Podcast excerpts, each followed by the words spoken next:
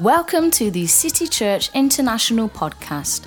Each week we launch new teachings and preachings from our Sunday service. We hope it will encourage you in your relationship with Jesus and empower you in your everyday life. Raise up my voice to you. Whatever happens, you stand true. Um, I've been asked by Pastor Paul to just say something because you're having an offering today, I think. Uh, it certainly was taken in the earlier service uh, for the work that you as a church are doing in Uganda with Just Earth Farm Schools. And I'm uh, one of the directors of Just Earth. We started the work in, in Kenya um, back in 2005.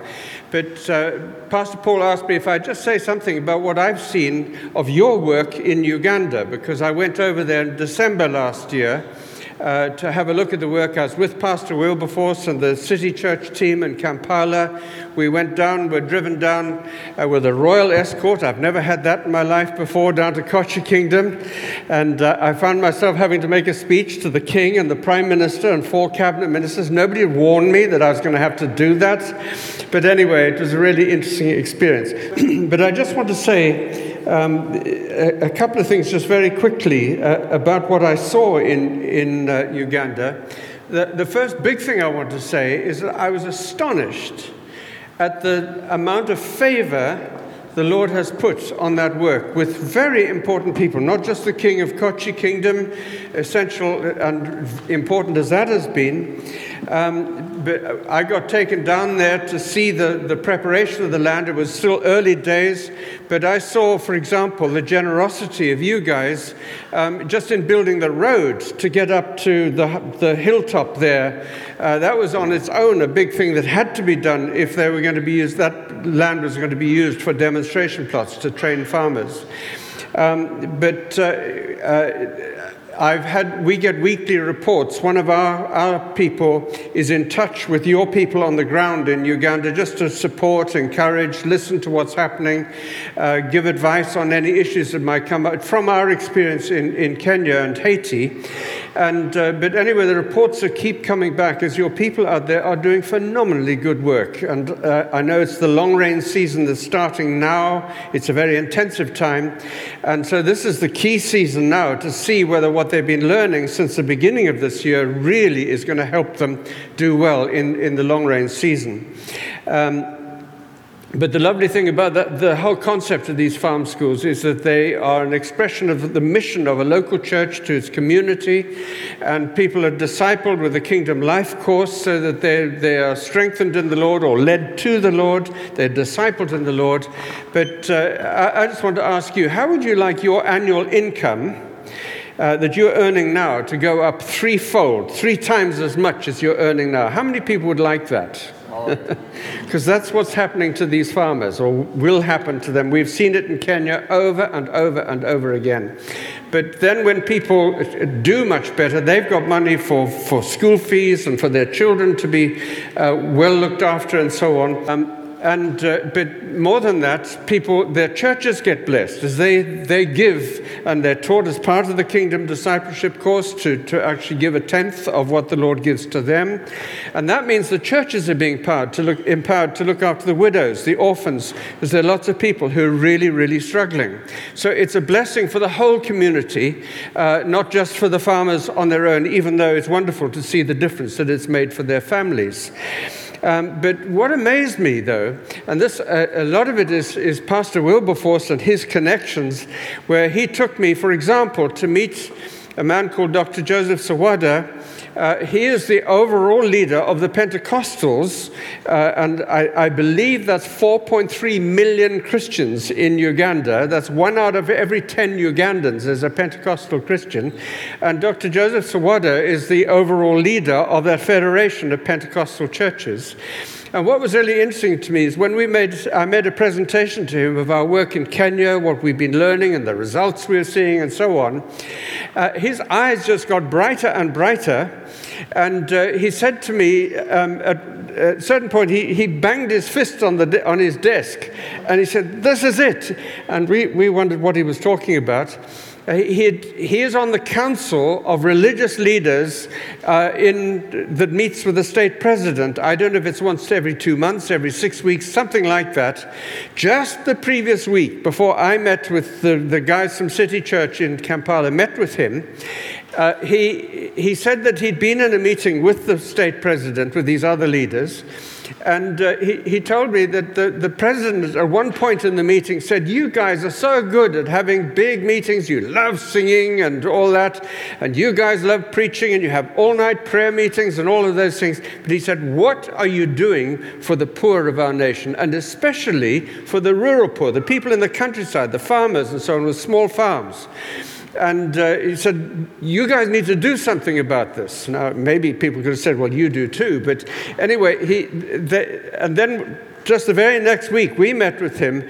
And this is why Dr. Serwadda just banged his fist on it. This is it. We need this. And two days later, I got a letter when I was flying home, delivered by hand from him to say he welcomed for, for their churches in the countryside all through Uganda, please, can we have farm schools? Now, that's you guys who are doing it. Uh, we, we're responsible for what happens in Kenya, and we're helping with the launch and the development of the work in Uganda. Uh, but the favor God is showing, we went to the Ministry of Agriculture, the government Ministry of Agriculture. This, we want to support this work. We love what you're doing. And um, we're seeing exactly the same in Kenya as well. Where now we've got, for, I'll just give you one example. Our, we started Maseno in western Kenya, but the work spread into Kericho um, with a, an Anglican bishop there who's an on fire, spirit filled Christian leader, very fine leader. Anyway, they produced such brilliant results. And we were working with Pentecostals as well in, in Kenya, but he produced, they got such brilliant results. He said, This is hope for the rural poor of Kenya. But this man has now been elected almost unanimously as the Archbishop of the Anglican Church in, in Kenya. Now, there's of churches. He's given us a big problem because he's saying to all his fellow bishops, You need this. So we've already had to go into two new regions. This year we're going to two more next year. But also now the head of the, the Pentecostal Assemblies of God, not just the Kenya Assemblies of God, but the Pentecostal Assemblies of God in Kenya. Uh, he's got interested now and he's saying, please, can we have farm schools? So we have a big problem. we please pray for us too. We need to raise lots of money. I'm due to go to the USA next month, the Lord willing, to go and seek more partners for the work in Kenya. But we've spread into Haiti as well, and it's really taken root there. They're desperately poor people there. And they, of course, get hit by the hurricanes, and all, they have lots of problems and issues there. But um, so I just want to say the first thing that I saw when I went out to Uganda was just the incredible favor that the Lord obviously is putting on this work and the open invitation for the work you guys are doing that you've spearheaded and started. And I'm also really interested that the favor of, I helped some years back now to develop New Wine, the, the network here for New Wine in Sweden with Kjell Axel Jönsson and other people, and later Pastor Paul. And um, it's very interesting to see the favor also that your work has got now with the New Wine Sweden network. So more and more churches are willing to become part of this to support the, the development of the work. Another thing I want to say is that I was so impressed with your leaders in City Church Kampala. They're fantastic people. We enjoyed being with them uh, and so on. And obviously, uh, Pastor Wilberforce is very important in all of that. But uh, for example, uh, the wonderful lady called Winfred, uh, is, who's overseeing the development of Just Earth Farm Schools uh, on your behalf in Uganda, she's the most amazing woman. She really is an amazing lady. And then Amos, who's overseeing the, the, the farming side, the actual agriculture and so on, superb people. So we're really, really impressed. And uh, the other thing that astonishes me is that Pastor Wilberforce just seems to know everybody in Uganda. And they all seem to know him kings, cabinet ministers, pastors. It's astonishing. Uh, and, and I hear now he's preaching in Kenya. He's in our territory. he's preaching in Kenya today. So uh, God bless you, Wilberforce. Um, but I want to say, too, though, the last thing I want to say is that it seems by the Lord's grace, and it seems that this integration of, of, making it part of the mission of a local church to its community in rural areas, in farming areas, where it combines evangelism with discipling and with wealth creation. And the discipleship course helps people build stronger marriages, stronger family life. We bring in community health workers to teach people about infectious diseases or about you know, hygiene issues like that, HIV, AIDS. It's, it's, it covers many, many different aspects of life. But anyway, people seem to love this whole concept, and not least that the churches get blessed and empowered as well to do their job in the community. They have more resources to care for the widows and the orphans. But it just seems that the Lord's opening so many doors. And I, I want to tell you that um, now we, there's a serious possibility this work is going to spread into Liberia on the west coast of Africa. Um, we're being asked to consider it going into Ethiopia, into southern Sudan. I didn't mention that earlier, but th- there's interest there. Um, also, in uh, going into Guatemala, I'm due to be speaking to people who are working in Guatemala next month. Um, uh, Cambodia, there's a big church in Norway who are wanting farm schools in Cambodia. Uh, and also, uh, just about three days ago, I got an email saying, Hey, can we start this work in India, that little country with just a few people living in it? so, uh, the doors just seem to be opening up. And we struggled in the earlier years, you know, with all the issues and learning how to do it, working. We have, it's 100% Kenyan. The agriculture is Kenyan. The people who lead it are Kenyans. The, we have no, for those of you who understand the language, there are no Wazungu out there. Uh, it's, it's run by Kenyans. Um, but anyway, uh, but here's my, the last thing I want to say is this work started in 2005 and I was leading a group of churches and I was vicar of one of them. I'm, I'm an Anglican pastor uh, in, in Harrow on the west side of London. And we had already committed our missions budget when I went out in January 2005. But we happened to meet an agronomist who's a Christian who'd found this farm school method. And we felt the Lord say, I had one of my key leaders with me, and we felt the Lord was saying to us, we needed to start this work and uh, to start farm schools through one local church. And I remember when the Lord spoke to us, I said, Lord, we've committed our missions budget. We give one third of all our income for the church we give to missions. And uh, so, you know, the, we've prayerfully committed the whole budget. So there's no more money, Lord. And uh, we just felt the Lord say, Follow me. And our people were amazing. We started the first farm school. We had to increase our missions budget over and above a generous amount by another, uh, about a third of a million uh, Norwegian, uh, Norwegian, Swedish kroner. Sorry, I'm in, in, the, in another country now. and uh, our people were amazing. They, they rose to the challenge, and because our people in Harrow continued with it, to this day, they're still giving generously to this work, because that was the foundation. And I know you guys have already been very generous to the work out in Uganda.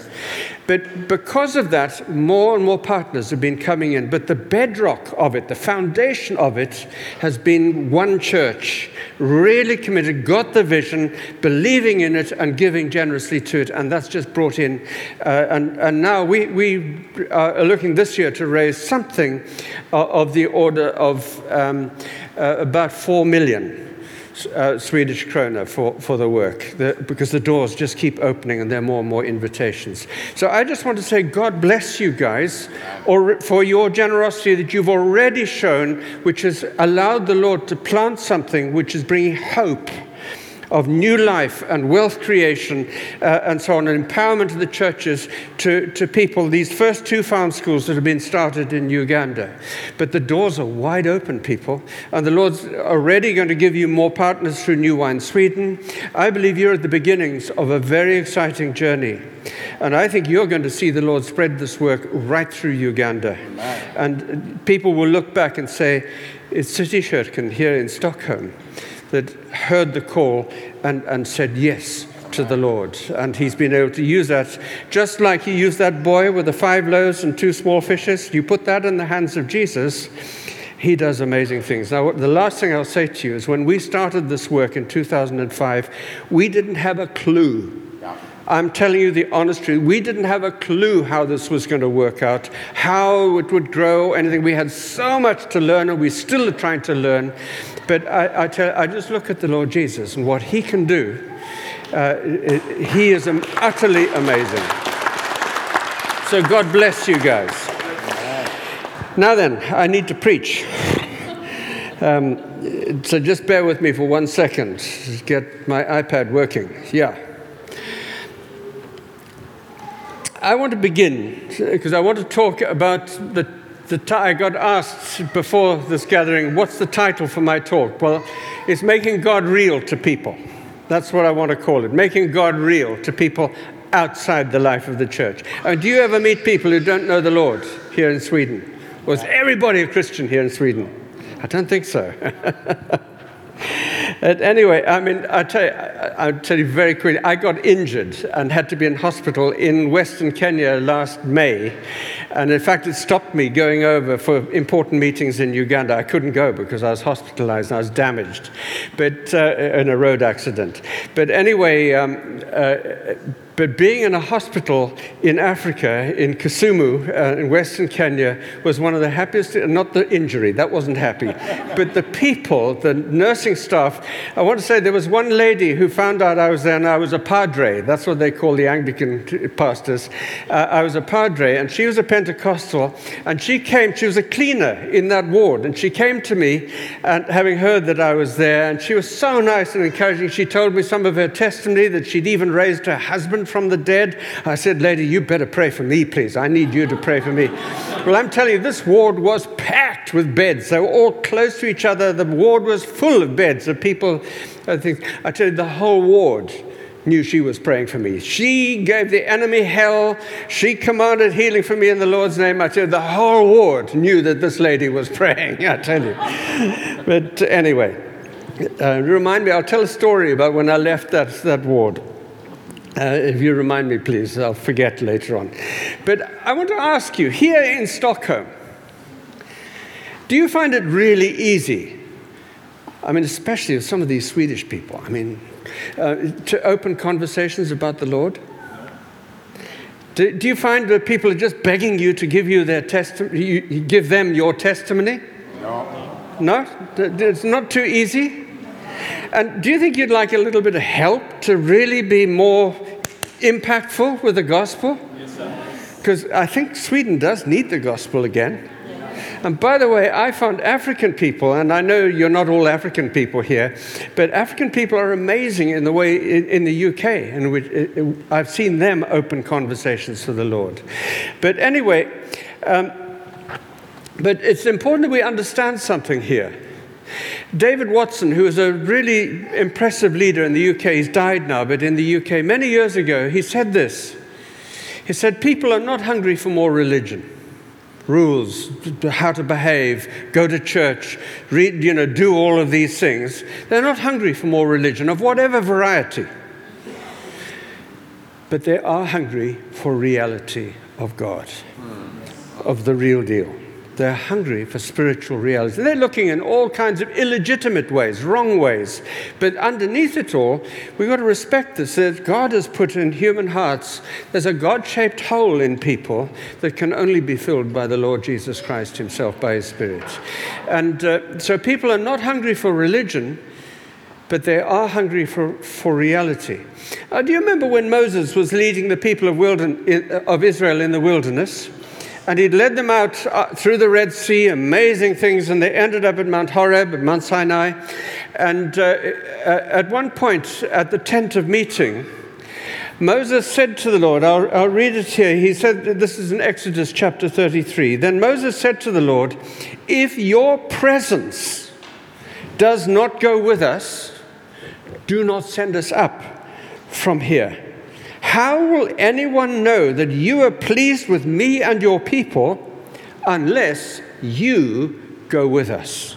And then he said something very important in this prayer to the Lord What else will distinguish me and your people from all the other people on the earth? Do do you understand what this is saying? What Moses is praying? He's saying, We're just ordinary people. That's me. You ask my wife, she'll tell you, confirm it. Uh, I need to be saved every day of my life. It's the truth. Uh, so do you. we're saved, but we're being saved all the time, okay? Uh, but uh, we're just ordinary people. Uh, we're, we're like anybody else. We're not superior to other people. It is Jesus Amen. who's the difference in our lives, who gives us a power that's not ours. It's His power to help us overcome temptation and sin, to learn to love like He loves. And it's a process through our lives. But it's Jesus who makes us salty in the world. It's Jesus who makes us shine as lights, a city set on a hill. It's Jesus, Jesus, Jesus who makes the difference. And uh, so Moses really understood this. But here's the point it, if people encounter, experience God for real in some way or other, that really gets their attention. I'll give you an illustration of this. Uh, I was flying from Oslo to Stavanger in Norway not long ago. And uh, I, I got onto this flight on SAS. It's not a very long flight, and I'm sitting in the, the aisle seat. You know, there's the aisle uh, so I was in row seats number C. There was an empty seat B next to me, and then A, the window seat. There was a very smart gentleman, and one look at him told me that this guy was a senior businessman. He just had that look about him. He had a laptop, and the moment he sat down, he was just working away on his laptop, and it was a PowerPoint presentation. And I sort of looked over the, through the corner of my eye, and in this, in this presentation, there were numbers, money numbers, like with many zeros, like millions of Norwegian kroner. He was dealing with big business, okay? It turned out later he was the commercial director for the, one of the biggest oil companies in Norway. And I felt as I looked at him, the Lord say to me inwardly, now I don't hear his audible voice, it's just a strong impression, a thought that comes to me. I want you to talk to him. I said, Lord, he's the senior business leader. He's not going to be interested in me. And the Lord just said, Well, ask me about him. So I said, I had time because he was just busy working. He wasn't going to listen, talk to anybody. He was busy. Short flight, he's got to get some work done. Anyway, uh, I felt the Lord show me some things about how other people in the business regarded him, his wisdom, strategic planning, and things like that, and the reputation that he had in the business. And there were some other things as well, all positive, encouraging things. And anyway, when the lady came with the coffee, uh, to serve us coffee, I thought, well, here's my only chance, you see. And your heart starts beating faster. You think he can hear it, you know, when, help, I've got to do it now. Lord, I just hope I've heard you right. Because we, we see through a glass darkly. We know in part, we prophesy in part. So it always feels risky. Okay? Uh, faith is spelled R I S K. Did you know that? That's how you spell the word faith R I S K. Say after me. Faith is spelled R K. Don't forget it. Okay? Anyway, I, I just said to him, look, uh, uh, you may think me mad. I always say that, okay? You, because I am. You, you may think me mad, but I'm a Christian, and even as I say those words, you could just see his face. Oh no, he's one of those guys. You know, one of these keen ones. These probably a fundamentalist. You know, whatever. Uh, and anyway, I, I just said to him, I believe that we can know Jesus and that uh, we can hear his voice. And sometimes, and he, you know, like, oh no. Uh, but uh, sometimes he speaks to us about other people. And I think he's just said some things to me about you. Switch got flicked on. When did you last sit in an airplane and somebody say, I've got a message from God for you? Hello?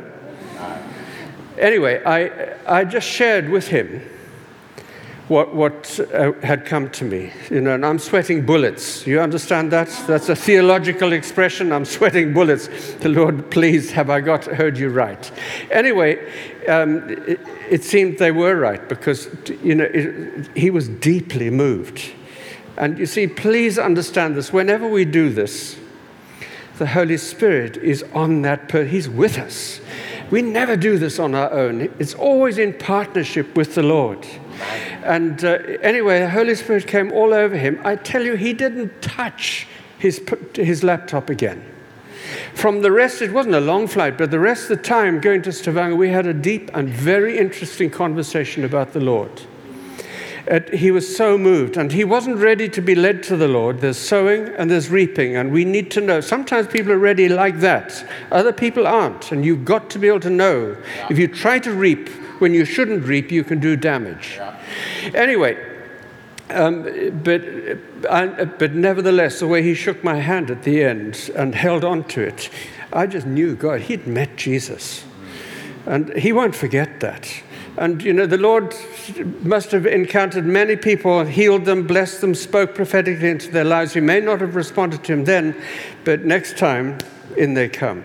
So, anyway, uh, that's just a story. But the, the point is this is that it, when the Lord speaks through us, or when the Lord heals through us, when we lay hands on people in His name, it has impact. People are not hungry for more religion. Being told what they ought to do, go to church, do this. Now, going to church is brilliant. But if you want to go to church, you've got to know why and want to do it. The Lord doesn't want worship where people are there, oh, I've got to do it. He wants people to worship Him in spirit and truth. So, anyway, like you do, it's wonderful to be part of your worship. Um, but I want to just read you very quickly a story. Um, you know, the Lord was obviously preaching the gospel to thousands and thousands and thousands of people. But there are very, only a few stories of the Lord doing one on one personal evangelism. So this make you, you know what I'm saying? Well, let me just read you the story quickly uh, from John chapter 4. Uh, reading from verse 1. Now, Jesus learnt that the Pharisees had heard he was gaining and baptizing more disciples than John. Now, this is a clue from the John the Apostle who wrote this gospel that he's talking about evangelism here, okay? Um, although, in fact, it was not Jesus who baptized, but his disciples. So Jesus left Judea and went back once more to Galilee.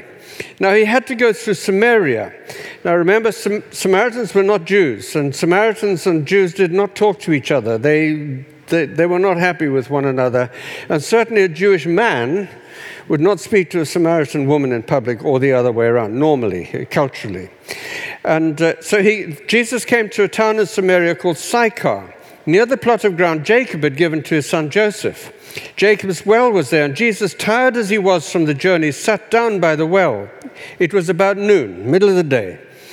When a Samaritan woman came to draw water, Jesus said to her, Will you give me a drink? His disciples had gone into town to buy food. She had a bucket, Jesus didn't. Um, the Samaritan woman said to Jesus, You're a Jew, and I'm a Samaritan woman. How can you ask me for a drink? You, you're just crossing all the boundaries here. Jesus answered her, If you knew the gift of God and who it is that asks you for a drink, you would have asked him, and he would have given you living water. Sir, the woman said, You have nothing to draw with. You haven't got a bucket, and the well is deep. Where can you get this living water? Are you greater than our father Jacob, who gave us the well and drank from it himself, as did also his sons and his livestock? Do you see the Holy Spirit's on her and touching her already? She's interested. What's going on? There's something interesting about this conversation. Jesus answered, Everyone who drinks this water will be thirsty again, but whoever drinks the water I give them will never thirst. Indeed, the water I give them will become in them a spring of water welling up to eternal life. That's what the Holy Spirit's doing in you and me by God's grace every day. Um, the woman said to Jesus, Sir, give me this water. She's now, he's getting a bit close, okay, spiritually. So she's maybe saying, Hold on, back off a little bit. She, she starts joking a little bit. Sir, give me this water so that I won't get thirsty and have to keep coming here every day to get, to get water. Uh, and then the Lord said to her, Go call your husband and come back. And she said, I have no husband. She replied. And Jesus said to her, You're right when you say you have no husband. The fact is, now he's never met her before. The fact is, you've had five husbands, and the man you now have is not your husband. What you've just said is absolutely true. Sir, the woman said, I can see that you're a prophet. Right on, lady. You, and more than a prophet. Uh, you're a prophet. Our ancestors worshipped on this mountain, but you Jews claim that the place where we must worship is in Jerusalem. Woman, Jesus replied, Believe me, a time is coming when you will worship the Father neither on this mountain nor in Jerusalem, like now here in Stockholm, everywhere. You Samaritans worship what you do not know. We worship what we do know, for salvation is from the Jews. And uh, yet a time is coming and has now come when the true worshippers will worship the Father in the Spirit and in truth, for they are the kind of worshippers the Father seeks. God is Spirit, and those who worship uh, and his worshippers must worship in the Spirit and in truth. The woman said, I know the Messiah, called Christ, is coming. When he comes, he will explain everything to us. And I tell you, I think this must have been a heart stopping moment for her. Maybe the hairs on the back of her neck must have stood up at this point, where he said, Jesus declared to her, I, the one speaking to you, am that person. That must have been the most uh, awesome, awesome moment, okay? I am he. And now I just want to draw out a few things from this. First of all, uh, from my own experience, I'm reading things into the text here. I think when that woman was still quite a long way away from the well with her bucket, remember it's hot, it's the middle of the day, and she's coming on her own. Now, Jesus, is a, humanly speaking, is a Middle Eastern man. He knew that the women came in the morning when it was cool, before the jobs of the day had to be done in the house. He knew that the women liked talking with each other on the way there, you know, complaining about their husbands or boasting about their kids, how good they are at football or whatever. And, and they come together. And here's this woman coming in the middle of the day when it's hot and she's on her own. There's something not right. Now, I just want to say to you, I long for all of us. I'll say a bit more about this in a moment, but to be doing these things out there when we meet people who are not Christians in our daily life, at work or the school or the hospital, wherever we are, I believe the Lord wants to give you and me divine appointments, divine setups to meet people that He wants us to speak to, and He's willing to give us revelation. But the, the first step in this process is usually, first of all, when we've said, Lord, I want one. Please, will you give me a divine appointment today? I mean, why just work and do your everyday job? Don't you want to do things with Jesus as well? Okay? So pray and say, Lord, I want a divine appointment today. Set me up for this, please. But then when it happens, the first thing that happens is you get a sense of the Lord. Like, I don't do this with everybody on an airplane who flies with me, but this guy, I felt the Lord say to me, Do you see this guy, Bruce? I want you to speak to him. You'll some way, and like the Holy Spirit said to Jesus, Do you see this lady? She's coming on her own. Father, why is she on her? Oh, I see.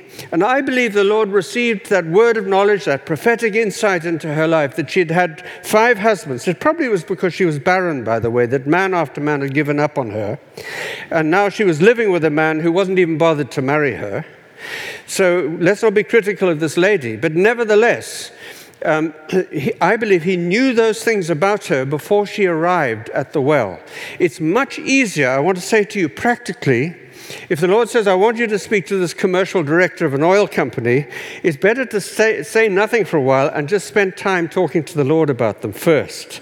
Then say, when you feel you've received revelation, then say, Lord, now would you open the door for me to have a conversation? Like bring the SAS air hostess to come and give us coffee, please. You, you, you see what I'm saying? So, anyway, uh, now tell me something. You're at a party and the music's playing. And uh, you're all men right now, okay? You're big, strong guys, all of you. I'm going to baptize you women as honorary men at the moment. And you're standing next to this very attractive lady, maybe she's 35, 38 years old. And suddenly you get this word of knowledge that she's had five husbands and is now living with another guy. Now, is that an easy conversation to open up at a party? Isn't it a little bit sensitive and personal? So, what did Jesus do when he receives this really sensitive information? Father, I need your wisdom, please. Ask for a word of wisdom. How do I open up? Son, you need water. You're thirsty. She's got a bucket. You don't. Ask her to give, her a, give you a drink and then offer her living water and get her interested. So he does that, and she, they get into this interesting conversation. The Alpha course has just started, um, uh, but not even the Alpha course, but pre alpha. And anyway, then, uh, but then when it comes towards the moment, even then, it's not an easy thing to, to open a conversation about, is it? So, what does Jesus do? He asks for more wisdom. And he gets a word of wisdom. When he knows the facts about her life, go call your husband. When he knows that she's living with a man who's not her husband, why does he do that? it allowed her to say a simple thing I have no husband. That's all she said. I have no husband. Okay, that's not a difficult thing to say. Uh, and then he said to her, he didn't say, Oh, I'm sorry, lady, but you, uh, you're right, but you've had five and now you're shacked up with a guy who's not your husband. Uh, he didn't do that. Look at his kindness, the grace, the gentleness that Jesus used. He said, You are truthful. You're right when you say you have no husband. Because the fact is, you've had five and the man you're now living with is not your husband. But he wraps it in love immediately. What you have just told me is absolutely true. Do you see this? Follow the way of love and eagerly desire all the gifts of the Spirit, especially words of knowledge, and you prophesy like Jesus did. Is this making sense? And remember, Romans chapter 2, verse 2 is one of the most beautiful verses in the Bible. Christians, do you not know that it is the kindness of God that leads you to repentance? The Lord didn't show me any of the sins of this commercial director of an oil company, He didn't show me any negative things. I'm not interested in listening for those things, frankly. I've got enough sins of my own. But he, the Lord gave him words which were true, but they were encouraging words. They were things that opened the door into his heart. And that's what Jesus, even with very sensitive things, he was doing it with love and kindness and acceptance. And um, uh, by the way, the Lord was saying, You're a very truthful woman. I suspect that one of the reasons why the women in Sychar didn't want to come and draw water with her is they thought that she was an immoral woman and could not be trusted. Do you see the difference? Here's the Lord of glory saying, You're an honest woman. They judge her. Do you see the difference? Uh, follow the way of love. Well, you can see the impact on her, both in terms of what she said to Jesus Sir, I perceive that you're a prophet. Uh, but then she ran into town. She left her bucket behind, by the way. She obviously trusted Jesus that he wouldn't steal it. I'm serious. A bucket is a precious thing if you're poor. You don't leave it lying around. She ran into town without her bucket. And she said, with a little bit of feminine exaggeration, you know what I'm saying here? Sorry, ladies. Come see a man who told me everything I ever did. Now, that's not true. The Lord just said you've had five husbands and you're now living with a man who's not your husband, okay? Now, she obviously had quite a long CV. The, the people in, in Sychar knew that she had quite a history. They all came out of the town. She's become an evangelist even before she's finished an alpha course. Hello? Do you see the impact? When God speaks to people, and remember, Jesus did say on one occasion, He who listens to you listens to me. And he who listens to me is listening to the Father who sent me. God the Father, Son, and Holy Spirit are completely with us when we go out in the Lord's name to share him with other people. And he's beyond us where he's touching the people that he is preparing to hear our message. Is this making sense to you? Good. Now, I just want to ask you another question, too. A couple of questions. What basic things need to happen in a person's life, in their mind, in order for them even to be open to the possibility of Christian faith, of putting their trust in Jesus? Well, I, I want to say these are my answers to that question. Number one, I think, they've got to be shown that God, even though we can't see Him, or hear him speaking to, you know, in an audible voice uh, and so on. Nevertheless, the, this invisible God is real. And his name is Jesus. He's risen from the dead, he's alive forevermore. Okay? They've got to experience God for real. Secondly, they need to be shown that this invisible God loves them. Doesn't want to wag his finger at them saying, You're a terrible, rotten sinner. That might be true but he's in his love for them, he's died for them because they matter. They're so precious to him, and he wants to give them life in all its fullness. So, the first thing is they need to, to know that this God who is real knows them, is lovingly, deeply interested in their lives. Somebody nod their heads. That he cares about them, that he wants good things for them, okay? Now, you don't do it all, but they, they need to experience that kind of love from the Lord. But then, thirdly, they need to be shown that it's possible for us human beings to have a living, personal relationship where we can speak to God, God can speak to us. You, you with me? They need to be shown that. Now, what did, what had Jesus done with the woman at the well? He showed her that God is real. She didn't realize that he's God incarnate standing there. But nevertheless, he ministered as one of us, depending on the Father to give him the Spirit without limit. He used the gifts of the Spirit as a model for you and for me. Okay? So, anyway, um, Jesus had shown her that God, even though she couldn't see him, uh, God is real. Secondly, this God, the way Jesus had spoken for his Father into her life, was full of kindness. I'd love to have seen what the look in Jesus' eyes was like as he looked at her. There was no judgment there, only kindness and love, mercy, goodness, wanting the best for her. That's what she would have seen in his eyes. That's what people need to see in ours. You know, Christians, and especially Bible believing Christians, are, are often known for what we're against. But sexual issues or this or that or the other, rather than what we're for. And we're for the most beautiful, lovely person in the universe who brings the best life you could have. Anyway, um, what did he show her? He showed her that God is real, that this invisible God was deeply, lovingly interested in her life. And through his own personal walk with the Father, he was as human as you, as me, as well as being divine. He'd shown her what relationship, that it was possible for a human being to have a relationship with this invisible God. Hello?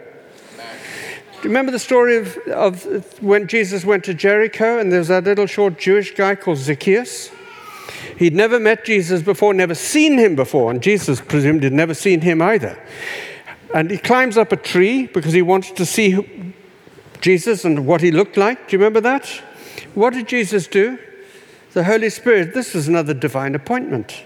Holy Spirit, when the Lord got opposite that tree, the Holy Spirit said, Stop, look up. What, did, what was the first word that Jesus spoke to, to this man? Anybody remember? Sorry? Thank you. Zacchaeus, come down. I want to stay in your house today. Now, there's love and kindness in it as well. The, the people of Jericho hated this man. He was a tax collector on behalf of the Romans. They hated him. And here's this amazing prophet, as, as Zacchaeus would have thought. He didn't know that he was the Son of God. Uh, but nevertheless, this amazing prophet stops and names. How did Jesus know his name? It's a word of knowledge, people. It's a gift of prophecy. Call it what you like. But it's, it's revelation that Jesus naturally in his humanity did not know. So, what was Jesus showing Zacchaeus? Number one, God is real.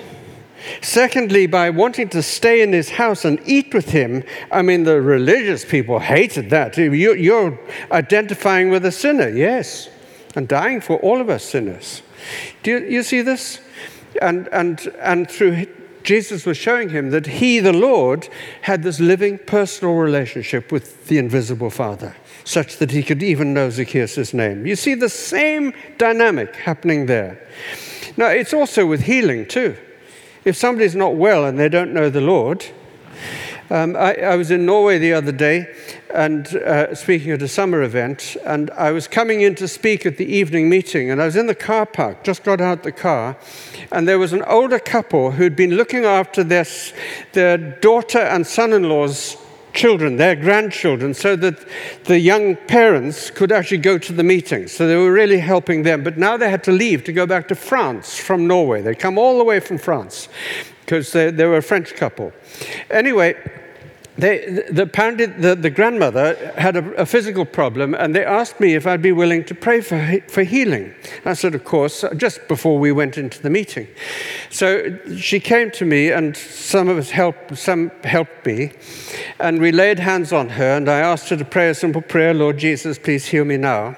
But then when I waited and invited the Holy Spirit to come, I sensed the Lord say to me, first of all, that there was a blockage in her life which would make it difficult for her to receive, uh, something to do with disappointment and difficult things in her childhood. But secondly, that she didn't know him. She'd never committed her life to him. So I first said, Have you had this, these disappointments in life? And tears immediately came up in her eyes, and the power of the Lord increased on her. So I ministered into that. And then I said to her, Have you ever committed your life to Jesus in an open way, um, confessing Jesus to anyone else? And she said, No, I haven't. And we led her to the Lord just like that, so easily, because the Lord was all over her. Do, do you see this? Now, if I, uh, please, this is not about how good Bruce is. If you think that, you're missing the point of what I'm telling you. But if I had not heard that she didn't know the Lord, I wouldn't have led her to the Lord that day. Because I wouldn't have thought it was, I just assumed that because her, her kids were Christians, that she was. Do you see this?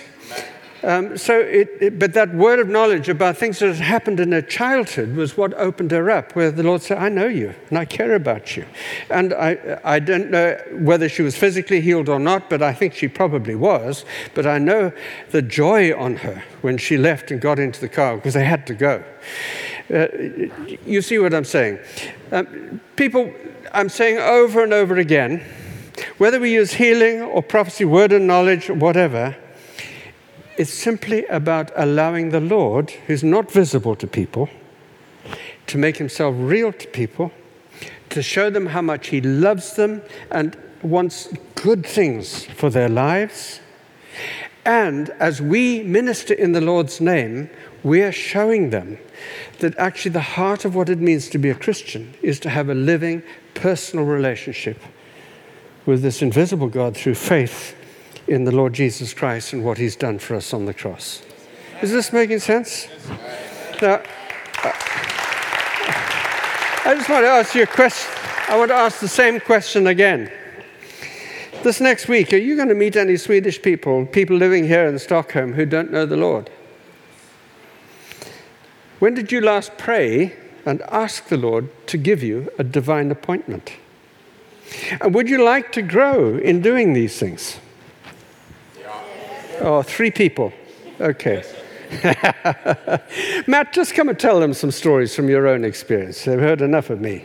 Um, can we have a microphone, please? Thank you. Tack så mycket.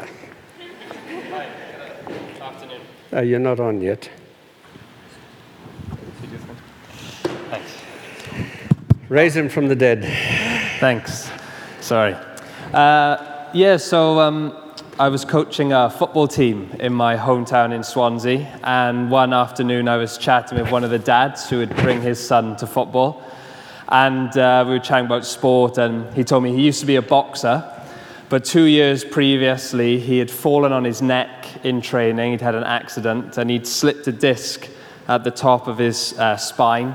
And since then, he had pain all in his neck and across his shoulder and down his right arm, and he couldn't do any sport, he couldn't box anymore. So I said, Well, Carl, at, the church here, we uh, often pray for people who've, who are ill or had an injury, and just like Jesus healed people in the Bible, when we pray, we often see people recover. Could I pray for you now? And he said, Go on then. So uh, I just put my hand on his shoulder and I said, Well, just say this prayer Jesus, please heal me now. And he said that. And then I just said, Well, Jesus, I thank you for Carl. I thank you that you love him and he's important to you. And in the name of Jesus, I command all the pain in your neck and shoulder to go and for your neck to be completely healed. Amen. I said, uh, move, move your arm, Carl, see how it is. And he moved his arm and he just went like this. Whoa, like that. All the pain had left his neck and shoulders. He was completely healed. and uh, Thank you, Lord. So much so that three months later, he, he, went, he had a boxing match. He was boxing again. He hadn't boxed for two years. but after that, I met up with him in his, his home a few times and I shared about Jesus with him and how what Jesus had done for his shoulder, he could do for his whole life and bring forgiveness and healing into his whole life.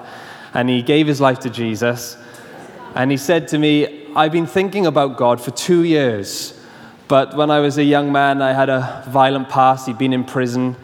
And he said, I've been thinking about God for two years, but I never thought I could walk into a church. I'm so glad that Jesus found me anyway. That's his words. It's amazing. Thank you, Lord. Tell him another one.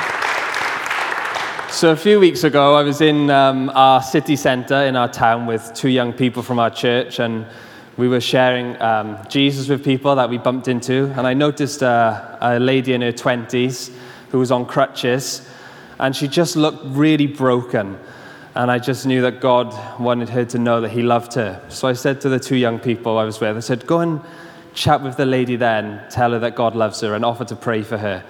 So they went over to her and they shared about God's love for her. And this girl said that she, she believed in God, but he, she didn't feel like God could love her, and that she didn't feel like God would forgive her for the things in her life. And they said to her, Why, why are you on crutches? Are you in pain? And she was on crutches because she'd been a drug addict and she'd been injecting in her leg, and it had caused the vein to collapse in her leg. And so she was in constant pain. She couldn't walk properly. And so they said to her, Well, can we pray for you that the pain would go? So she said, Yes, please. So they, they prayed for her. And God just touched her with his love, and all the pain in her leg went. She began to cry. She could walk without her crutches. Thank you, Lord. And then they offered, Would you like to receive Jesus into your life? And she said yes. And they prayed to receive Jesus Amen. together. Tell him another one. So I, was, I met, um, I was doing like a children's club, and there was this uh, young girl coming along, and I was sharing a story about Jesus healing people. And afterwards, she said, "Will you come and pray for my, uh, for her dad?" And so she led me to her dad. He wasn't a Christian. He, they just brought her along. And uh, he used to be a professional footballer. He played, played for Swansea, our local team, in his younger days. But now he's only 40. But he had arthritis in both knees. And now he was a construction worker, he was an engineer, and he would work a lot on his knees, and he was in pain every day. He used to take injections for the pain. And uh, so I said the same. I said, Well, Steve, you know, at the church here, we often pray for people. And just like Jesus healed people in the, we read in the Bible, he, he does the same when we pray. Can I pray for you? And he said, Okay then. So again, I just put my hand on his shoulder and I said, In the name of Jesus, I command this arthritis to go. In Jesus' name, Amen. And when I prayed for him, like he, his name was Steve, he didn't feel anything, I didn't feel anything. It seemed like nothing had happened at all. And I said, Well, I took his phone number and I said, Well, you know, see how you are, and I'll give you a call. So a week later on the Friday, I, I, I gave him a call and said, How are your knees? And he said, Oh, amazing. He said, All week I've been working on my knees. He said, Since you prayed, I've had no pain. I haven't had to take any injections. He said, I went for a jog to test it out, and I could go, could jog because he, he couldn't run, he could uh, jog. And uh, he had no pain that week. And then the next week I saw him, and he still had no pain. Months later, he still had no pain. So this was Easter time last year. So this Easter, I asked him again, how, how was it? And a year on, he said, I've still had no pain. He said, I never thought that I would be someone that would need God, was his words to me. And uh, he was completely amazed. Amen. Praise the Lord. Thank you. Uh, I will I forgot, uh, I will tell you, when I was in this hospital in, in Kisumu, um, all night I was being kept awake, although I was in pain, so I probably wouldn't have slept anyway. But there was a guy in a bed next to me, and he was sick, sick, sick. They, they had the curtains around him, so I didn't see him even, but he was groaning all night. The medics were coming every five minutes to him, uh, alarm, beep, beep, beep, with alarms about him. It said he was a sick man. And the next morning, I, I, well, next morning, lunchtime, I was being discharged. And I felt the Lord again. In, I don't hear his audible voice, but I just sense that I needed to offer to pray for this man. So I went to him and prayed for him and said, Look, I'm a Christian. I'd love to pray for you. Is that okay? He said, Oh, please, I'm not well. And uh, I don't know how he managed to get my, um, uh, I think, yeah, one of our staff with Just Earth gave it to him. But anyway, he got hold of me, and I got a text SMS on my phone. I think it was two days later. Uh, saying, I'm completely well, I'm out of hospital, praise Jesus. So, now I'm putting my glasses on because I want to look at you. I am looking at a bunch of people who have Jesus living in them. I'm looking at a bunch of people who, by God's grace, and I'm talking about me as well as you, are ambassadors of Christ. I'm looking at a bunch of people. Who, how many of you feel nervous about sharing your faith with people out there? Oh, we got one honest person, two, three honest people. It, you know, when we go on mission to Wales, we've been doing, we've seen 4,750 people come to Christ on the streets in Wales over the last, since summer of last year to the summer of this year. People are amazingly open to respond to Jesus. We've been astonished by what the Lord has shown us. But what we've found also is that if we use words of knowledge or prophetic words or minister healing as well, it has so much more impact than just simply sharing the gospel. People respond to the gospel, but it's much more powerful if we show them the reality of God as well. Now, do you want this? Would you like to be more effective? Yes. Sorry, I didn't hear that. Yes, Please stand. And by the way, I know the answer, your answer to this already, but do you want to make Jesus really happy? Do you? Well, you remember how he said, and he said it to all Christians truly, truly, I say to you, anyone who believes in me will do the same things as I've been doing. Do you believe in Jesus? I think you do. Well, do you understand what he's saying to you today? You can do what he did. You can have prophetic words for a woman at a well or at the bus stop or wherever. Uh, you can be used by the Lord to heal. We might need prophetic ministers to help the rest of us to do it better. We might need people with a strong healing ministry to help all of us grow in faith to, to minister healing. You, see what I'm saying? You can do it. And I'll tell you why you can do it. Is that it's not you who heals anyway. It's not Matt who heals, it's not Bruce who heals, it's Jesus who is living in us. If we will step out and be his hands, be his mouth, uh, be his heart to people, then he expresses himself by his spirit through us. Okay? Now, no one can force this on anyone, okay? So if you've got questions, you're not sure, that's fine, just ask your questions. But I want to suggest if you want this, close your eyes. Just focus on the Lord Jesus because every good gift comes from above. And I'm not going to pray for you that you'll get this facility to be able to heal the sick. You have it already because you have the giver living inside you. I'm not going to pray for you to, to get the facility to use words of knowledge or prophetic gifts because you have that facility already because the giver is living inside you. You've welcomed him into your life already. All I'm going to pray for is that we are given, uh, we are released from our fears of people, that we're released from old disappointments and discouragements, and that we're actually given the, the, that more of the Holy Spirit who is, leads us to boldness rather than fearfulness, uh, of power and of a sound mind, of wisdom to know how to handle these beautiful gifts, so that we're very impactful with the gospel in the Lord, making God real to people and showing them relationship because we've heard the Lord for ourselves for them. Okay? So just close your eyes. And what the Lord's looking at in me and you, in all of us, is do you want this? Because really, he, we can't fool him. If you want this, you, in your silence of your own heart, just put your hands out as a visible prayer in front of you, like not up in the sky, but just in front of you. Just say, Lord, see my hands. Lord, please, will you give me increase in this? Will you make me effective in this? Thank you, Lord. And remember, you ask honestly, you will receive. It's not hard to hear God, I promise you. It's not hard to heal people because Jesus is the healer. And whether it's a cancer or a cold is no difference to Him. It feels different to us, but it's not to Him. Thank you, Lord. And I ask, Holy Spirit, would you come upon my brothers and sisters now?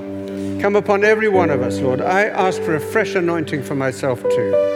And Lord, I want to ask that you release us from our fears, our inhibitions that hold us back from being bold and courageous in sharing you with others. And Lord, I pray for your spirit of boldness, of love and wisdom to come upon us, that we'll be sensitive in how we do these things, that we follow the ways of your love, that we always uphold the dignity of the people that you lead us to speak to. But Lord, make us sensitive to hearing your voice, please. I bless you with increase in the gift of faith increase in the gift of revelation, whether it's words of knowledge or prophecy. I, I bless you with, with the love of the Lord Jesus for you that casts out our fears. And Father, I pray for my brothers and sisters that you'll give them all the training, the equipping in the safety of the church life itself, so that then they'll find freedom to go out and give away what you've given to them. I pray that you'll raise up many wonderful evangelists here amongst us today who are very fruitful, very impactful for you and the gospel, Lord. I bless you with these things now. And dear people, just receive the love of the Lord right now. Christianity is a love affair. And we can't give away to others what we're not receiving for ourselves. And I just hear him right now saying to me that there's some amongst us who have been struggling through a dry time.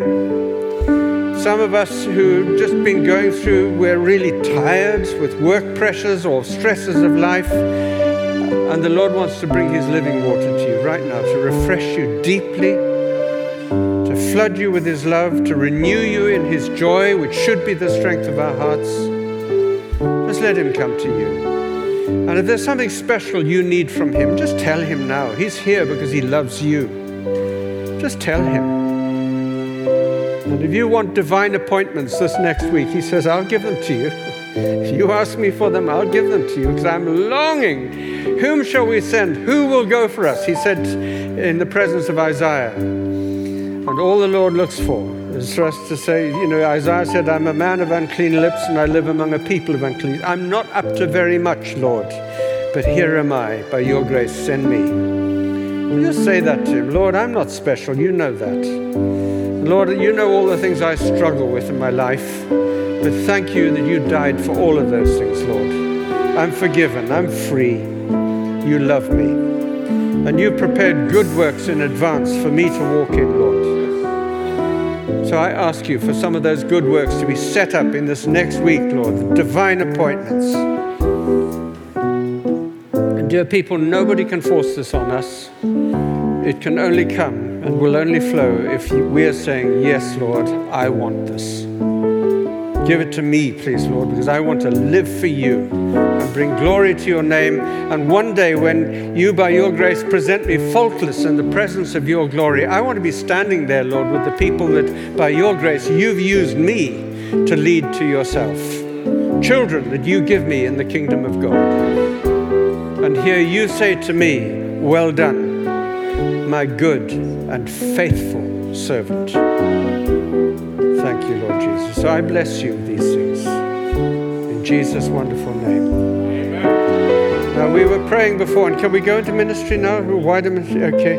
Um, praying beforehand, and uh, Matt, come on up, please.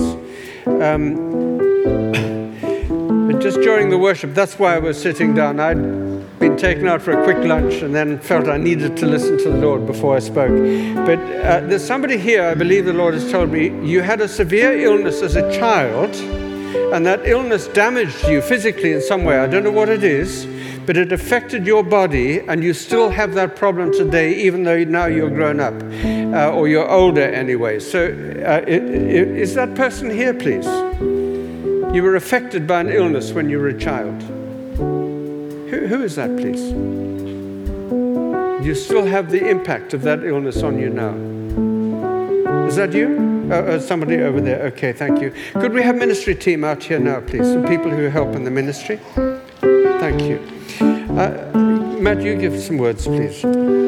Yeah, feel there might be someone here where you have pain across both shoulders along the back here. If, that, if that's you, then please come and forward and get those who are ministering, could you stand here and look that way?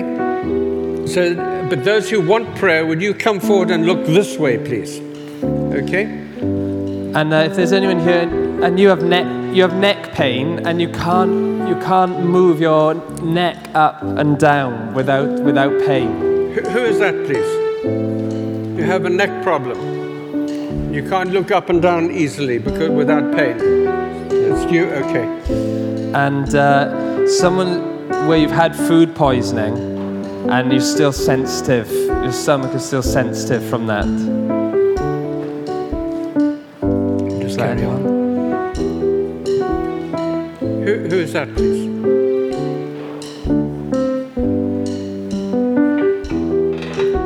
Carry on. There's somebody here with a long term chest condition. Um, and it gets worse every winter when the cold weather and when it's damp and wet. Uh, it, your cough and thing gets much worse, and you're not looking forward to this next winter when you, you just know you're going to have these problems again. Please, who, who is that? Just just come out. We'd love to pray for you, please. Um, there's a couple here who're longing to have a baby. I think you may have already had one child, but you're wanting another one. But it may be that you've not had a child at all. We'd love to pray for you. There's somebody who's got arthritis in your joints. You get, and it's particularly in your knees, but you have it in other joints as well, where you have pain from arthritis. Um, there's somebody here with, I got with back pain, especially between your shoulder blades up here. Most of us get back pain down at the bottom of our backs, but this was quite clear. It was between your shoulder blades.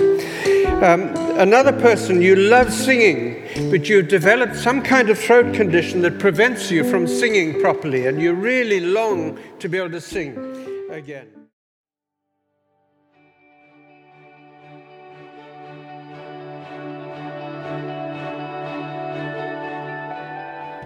Thank you for listening. If you're in the Stockholm area, feel free to join us at our international services every Sunday at 2 pm at Adolf Fredriks Kyrkogata 10. If you'd like to know more about Jesus or for any other information, please do visit us at ccistockholm.se.